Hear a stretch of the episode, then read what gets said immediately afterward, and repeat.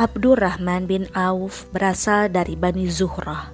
Ibundanya bernama Syifa binti Auf Az-Zuhriyah masih memiliki hubungan persaudaraan dengan Rasulullah melalui Kilab bin Murrah dan merupakan sepupu dari Sa'ad bin Abi Waqqash. Sejak kecil, Abdurrahman bin Auf dididik dengan baik oleh ayahnya. Ia diajarkan nilai kebaikan seperti menghormati orang lain, peduli terhadap sesama, dan rajin bersedekah.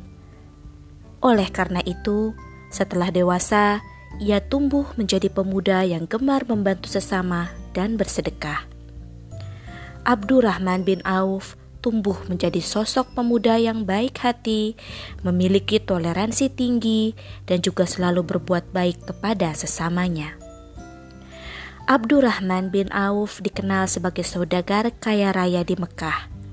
Ketika ia hijrah atas perintah Rasulullah Shallallahu Alaihi Wasallam, ia meninggalkan harta bendanya dan hanya berangkat dengan pakaian yang ia kenakan.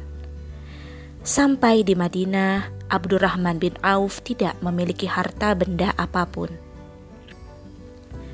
Rasulullah Shallallahu Alaihi Wasallam mempersaudarakan Abdurrahman bin Auf dengan orang Ansor bernama Sa'ad bin Rabi al Ansori. Sa'ad adalah orang kaya di Madinah.